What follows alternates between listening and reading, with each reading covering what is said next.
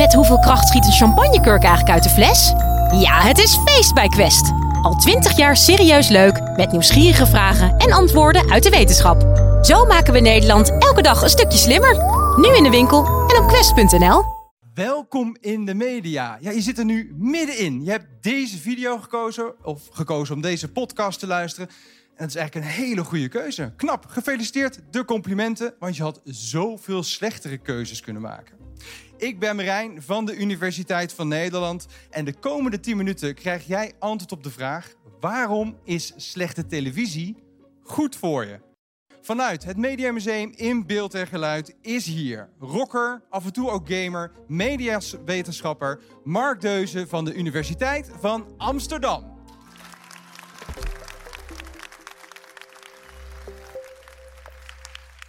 Ik wil eigenlijk beginnen met een vraag. Ehm, wie kijkt er aan eerlijk zijn? Hè? Eh, wie kijkt er wel eens naar zoiets als uh, Kardashians of echte meisjes in de jungle, goede tijden, slechte tijden en dat soort programma's? En mijn verhaal vanavond is dat al die media goed voor ons zijn. Het is niet zo dat alleen maar de serieuze media goed voor ons zijn alle media, ook wat misschien wel slechte media of slechte televisie zouden noemen, of pulp of populaire uh, genres. Het is allemaal goed voor ons. En dat geldt ook voor games. Ik speel zelf eh, heel graag Horizon Zero Dawn rond op de PlayStation, een game hier in Nederland gemaakt. Of kijk naar Squid Game uit, uh, uit, uit Zuid-Korea. Het is allemaal goed voor ons. Met andere woorden, mijn verhaal vanavond is dat slechte media stelt tot in staat om een goed leven te leiden. Want wat zit er eigenlijk achter al die media? Achter al die games, al die televisieshows, al die spektakelfilms, maar ook achter alle journalistieke verhalen. Daar zitten telkens dezelfde soort verhalen in.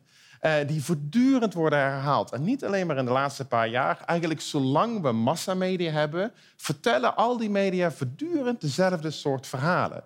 we zitten hier in beeld en geluid, het grootste archief van televisie en film in Nederland. We zijn daar ingedoken om wat clips, willekeurige fragmenten uit 60 jaar televisie voor jullie op te duikelen. Wat we daarin zien, en dit is slechts één voorbeeld, zijn gewoon een aantal serie, eh, scènes uit series van de jaren 60 tot nu.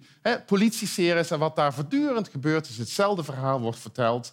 Mensen, vooral jongeren, die veroorzaken problemen. En de harde hand van de wet jaagt ze op, jaagt ze na en arresteert ze weer. Gelukkig hebben de meesten van ons nooit ervaring met criminaliteit en met de lange arm van de wet. We zien het vooral op tv of in films en zelfs in games. Uh, wat dat betekent is dat we eigenlijk steeds meer het leven meemaken via media. Leven wat we gelukkig zelf niet persoonlijk meemaken over het algemeen, zoals uh, criminaliteit, maar wat we dus toch kunnen beleven. De beroemde filmregisseur Alfred Hitchcock, kent u misschien nog wel van Birds en dergelijke, zei het altijd prachtig: Television has brought murder back into the home where it belongs. Media vertellen ons dus altijd diezelfde soort verhalen. Wat is goed, wat is slecht, wat is de bedoeling, wie zijn wij, waar horen wij bij? Uh, um, wat zijn de waarden en normen? En dat doen ze voortdurend aan de hand van hele voorspelbare verhaallijnen. Je zou kunnen zeggen dat ze eigenlijk allemaal een soort panklare formule hebben. Of dat nou in de jaren 60 was of vandaag de dag. Het zijn genreconventies, formules, uh, regels, protocollen die voortdurend worden gerecycled in goed Nederlands. En wij houden daarvan, van die voorspelbaarheid. We klagen misschien wel eens van, nou, alweer zo'n serie. En toch kijken we ernaar. We kijken elke avond naar het NOS-journaal. Maar het NOS-journaal vertelt eigenlijk voortdurend hetzelfde verhaal. Het eerste item is altijd, er is iets gebeurd en wat vindt de minister-president hiervan? Um, onszelf leren kennen, informatie over wie we zijn en waar we bij horen, zit in al die media. Die opkomst van massamedia, die is natuurlijk al, die is nu ongeveer 100 jaar oud. Hè? Het begin van de vorige eeuw, radio kwam op, krant als massamedium, daarna natuurlijk televisie na de Tweede Wereldoorlog en uh, uh, nu hebben we natuurlijk het internet erbij. Je zou kunnen zeggen dat de opkomst van massamedia ging gepaard wereldwijd met het verdwijnen van iets anders. Publieke terechtstellingen, mensen aan de schandpaal nagelen. Dat verdween in de 19e eeuw. In de 20e eeuw kregen we daar massamedia voor in de plaats. Je zou bijna kunnen zeggen dat de media onze schandpaal zijn. Ze vertellen eigenlijk ons voortdurend wat goed en wat slecht is. Wat normaal is. En dat geldt niet alleen maar voor de journalistiek. Dat geldt net zo goed voor de soaps. dus de makers van Goede Tijden, Slechte Tijden en de journalisten van het NOS-journaal eh, beschouwen het zelfs als een missie om ons te vertellen wat normaal en abnormaal is. Een fragment van Goede Tijden, Slechte Tijden illustreert dit. Je bent dronken. Ja, valt wel een beetje mee hoor. Ben je helemaal gek geworden? Weet je wel niet hoe slecht dat is voor je baby? Dus voortdurend zit er in al die genres ook soort van, van wijze lessen, eh, een moraal zou je kunnen zeggen. En dat hoort ook echt ook wel bij de identiteit van makers.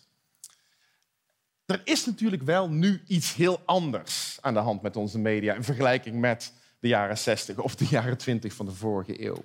En je zou kunnen zeggen dat een van de grote veranderingen is dat we vroeger ons verzamelden rondom een kastje, de televisie natuurlijk. Uh, maar die televisie die zit nu hier. Hè, in dit apparaat, in dit soort apparaten. En vooral, en dat is nog belangrijker, in ons broekzak. Onze media zijn heel persoonlijk en heel intiem geworden en zijn ook uniek voor onszelf als individu. We hebben eigenlijk in die zin steeds minder met elkaar gemeen. En de dingen waar we ons druk over maken in onze huidige media, bijvoorbeeld filterbubbels, echokamers en dergelijke. plekken online waar mensen elkaar tegenkomen die het extreem met elkaar eens zijn en eigenlijk niks anders meer zien. Daar kunnen we ons zorgen over maken. Of we kunnen denken aan het verhaal wat ik hier vandaag vertel. Namelijk, het zijn eigenlijk hele normale verschijnselen waar mensen elkaar opzoeken om meer te weten over waar ze bij horen, wie, we zijn, wie ze zijn, wat normaal is, wat goed is. En daar zijn we eigenlijk voortdurend met z'n allen naar op zoek. Een andere eh, verandering in onze mediawereld en onze mediabeleving van vandaag de dag, is hoe we omgaan met de mensen en de verhalen die we in media zien. Kijk, vroeger, als we fan waren van een serie of van een show of van een film, ja, wat voor relatie had je daar nou eigenlijk mee? Je had misschien posters op je kamer hangen van je favoriete film of acteur of actrice. Maar veel meer dan dat kon je er eigenlijk niet mee. Je kon het op het schoolplein of het werk hebben over bij welk team je hoorde of wie je aanmoedigde of iets dergelijks. Maar dat was het wel. Tegenwoordig zijn onze relaties met de karakters en verhalen en media net zo goed als dat apparaat in onze broekzak een stuk intiemer geworden. Het tegenwoordig zijn de grote sterren en de acteurs en actrices en dergelijke en de karakters en de presentatoren zitten ook allemaal online, net zo goed als wij. Hebben eigen kanalen, praten met ons, uh, uh, leggen relaties met ons, ons vast. Het, het lijkt soms, en is dit waar? Is dit echt? Of worden ze hiervoor betaald? Of worden ze, lezen ze scripts voor? Ja, allebei waarschijnlijk een beetje. Maar die, die relaties zijn dus een stuk intiemer, een stuk persoonlijker, een stuk dichterbij. En je ziet ook dat de hele media-industrie ook een totale omwenteling heeft gemaakt. In plaats van vroeger gewoon series maken en die op televisie uitzenden en dan waren ze klaar, wordt nu elke klik, elke swipe, alles wat we doen, wordt ontzettend zorgvuldig in de gaten gehouden. En op basis daarvan verandert ons mediaaanbod voortdurend. Wat ik op Netflix aanbevolen krijg, is iets anders als u. Omdat ik op iets anders klik. Dus het aanbod verandert met ons mee. Wij worden eigenlijk zelf de maker van onze eigen mediaomgeving. We leven, met andere woorden, niet meer met media, die we ze nu dan aan of uitzetten, waar we misschien ook wel zonder kunnen. We leven in media. In de technologie die dicht bij ons is in karakters en verhalen waar we aan meedoen. Ik heb u nu een stuk van het verleden, een stuk van het heden verteld, maar waar gaan we nu eigenlijk met z'n allen naartoe? Een, een, een, tip van de sluier kunnen we oplichten als we kijken naar bijvoorbeeld popsterren in Korea, Zuid-Korea. Uh, een, een, mooi voorbeeld is een, een meidenband Espa. En Espa is vorig jaar gelanceerd, anderhalf jaar geleden. Aan de ene kant is het een gewone meidenband. K-pop, eh, zingen leuke liedjes, hebben clips, treden op. Maar wat zij ook zijn, is elk van de meiden in die band heeft een eigen avatar. En die avatar heeft een eigen leven in een eigen universum, wordt volledig aangestuurd door kunstmatige intelligentie. En elke fan kan een één-op-één relatie hebben met een van de meiden in die band via die avatar. En dat is uh, dus miljoenen jongens en meisjes die, dus, uh, die hebben die avatar op hun telefoon wonen. Maken daar verhalen mee, hebben avonturen, vertellen daar weer over aan anderen. Eh, denk aan virtuele influencers. Miljoenen mensen wereldwijd volgen een influencer zoals Little Michaela. Maar zij bestaat niet echt. En toch kopen we haar kleren, luisteren we naar haar muziek en, en volgen we haar online, massaal. De grens tussen echt en nep, digitaal en analoog, in media en buiten media, uh, vervaagt uh, volledig. Maar terwijl dit misschien een best eng verhaal zou kunnen zijn, wil ik het omdraaien vanavond. Want uiteindelijk zijn wij de bron van alle media waar we nu in leven. En als we teruggaan naar waar ik mee begon vanavond, dat al die slechte media, die populaire media, eigenlijk ook goed voor ons zijn, zouden we ons kunnen afvragen, als wij nou die slechte media maken, als onze sociale media feeds zijn zoals de soap operas van de jaren 90 en de politieseries uit de jaren 60, als wij de slechte media zijn en dus ook maken, um, wat gaan we daarmee doen? En we doen al zoveel. Denk aan de hashtag MeToo. Denk aan de Arabische lente. Denk aan Greta Thunberg en haar klimaatactivisme. En als u een andere politieke overtuiging heeft, zijn er ook prachtige voorbeelden van. Van mensen die hun media gebruiken om de wereld te veranderen. En dat doen we dus eigenlijk allemaal voortdurend. De vraag is dus voor mij, tot slot, niet zozeer hoe we uit dit leven en media kunnen ontsnappen. De vraag is, welke verhalen gaan wij elkaar vertellen nu wij zelf de media zijn? Worden dat verhalen die ons nog verder uit elkaar drijven, nog verder polariseren? Of gaan we uiteindelijk de verhalen vertellen die ons verbinden?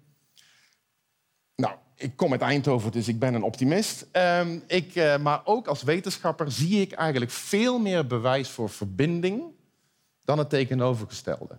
Ook al focussen de slechte media op het tegenovergestelde. Dank jullie wel. Ja, Mark, dankjewel. Kijken of er mensen zijn die vragen voor je hebben over dit verhaal. Ja. Ja, als al die media nou zo individueel is afgestemd, hè, waar vinden we dan nog de verbinding? Goeie vraag, zeg. Ja, fantastische vraag. Een belangrijk deel van het antwoord op die vraag uh, ligt aan de ene kant bij onszelf. Hè. Dus, dus we, we, zullen, zoals Theo Maassen vroeger altijd zei, moeite moeten doen. Het is, het is best moeilijk om die verbinding nog te vinden en te zoeken. Want de algoritmen van media die maken inderdaad ons, onze beleving van media uniek voor onszelf. En je hebt dus eigenlijk veel minder te vertellen aan degene die naast je zit of naast je woont. Maar natuurlijk ligt de verantwoordelijkheid echt niet alleen maar bij ons. Ik sprak vorige week in, in mijn college had ik een, een, een iemand van Meta, het bedrijf wat vroeger Facebook was. En, en, die vertelde met droge ogen van dat ze erachter waren gekomen dat het slechtste wat hun kan overkomen is als mensen te lang van hun diensten gebruik maken.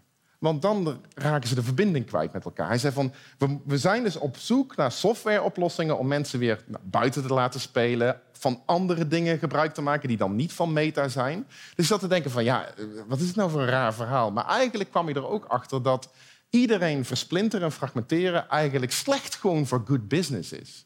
En weet je, en dat soort voorbeelden uh, geven me hoop, want dan, dan, dan, omdat we er niet alleen in staan. de bedrijven om ons heen, uh, ook de overheid, je ziet de Nederlandse overheid op Europees niveau, wereldwijd, met allemaal nieuwe richtlijnen komen om ons beter te beschermen. En te voorkomen dat we onszelf helemaal verliezen. Hè, onze persoonlijke data zo vrijgeven, geen controle meer over hebben, dat we elkaar niet meer kunnen vinden. Dat is uh, zeker ook het uh, geval. Dus op al die drie niveaus, hè, beleid, de bedrijfssector en wij zelf, kunnen we eigenlijk, en wordt er al heel veel gedaan. En nogmaals, natuurlijk is er in de, media heel veel aandacht voor de mensen met uh, de grootste mond. Dus de schreeuwlelijkers, de, de mensen die actief nepnieuws verspreiden, trollenlegers, bullies en al dat soort dingen. Terecht dat de journalistiek daarop focust. Terecht dat we daar heftige documentaires over krijgen op Netflix zoals de social dilemma en zo. Um, um, maar we moeten niet vergeten dat dat de uitzonderingen zijn. Zoals alles in de journalistiek altijd de uitzondering is. De meeste van ons hebben eigenlijk bijna alleen maar positieve ervaringen in media. Dat zien we ook uit onderzoek onder jongeren. Dat 80, 85 procent zegt van ja, ik, ik, ik, ik word alleen maar, eh, mijn, mijn horizon wordt breder in plaats van smaller. Natuurlijk moeten we zorgen maken over die 15 procent, maar we moeten het ook zeker niet overdrijven. Dus daarom ben ik hoopvol dat voor de meesten van ons verbinden natuurlijker is dan polariseren. Dankjewel, Mark. Hier is nog een vraag. Ja, mijn vraag is eigenlijk beantwoord. Wauw, wat, wat, wat een wetenschapper hebben we hier op het podium staan. Die beantwoordt gelijk alles gewoon. Nog één keer een hard applaus voor Mark Deuzen en dan mag je echt gaan. Vond je dit een leuke podcast? Vergeet je dan niet te abonneren. Dan zie je automatisch alle nieuwe podcasts van de Universiteit van Nederland in je feed. En wist je trouwens dat je deze podcast ook kan bekijken op Spotify en op YouTube? Tot de volgende!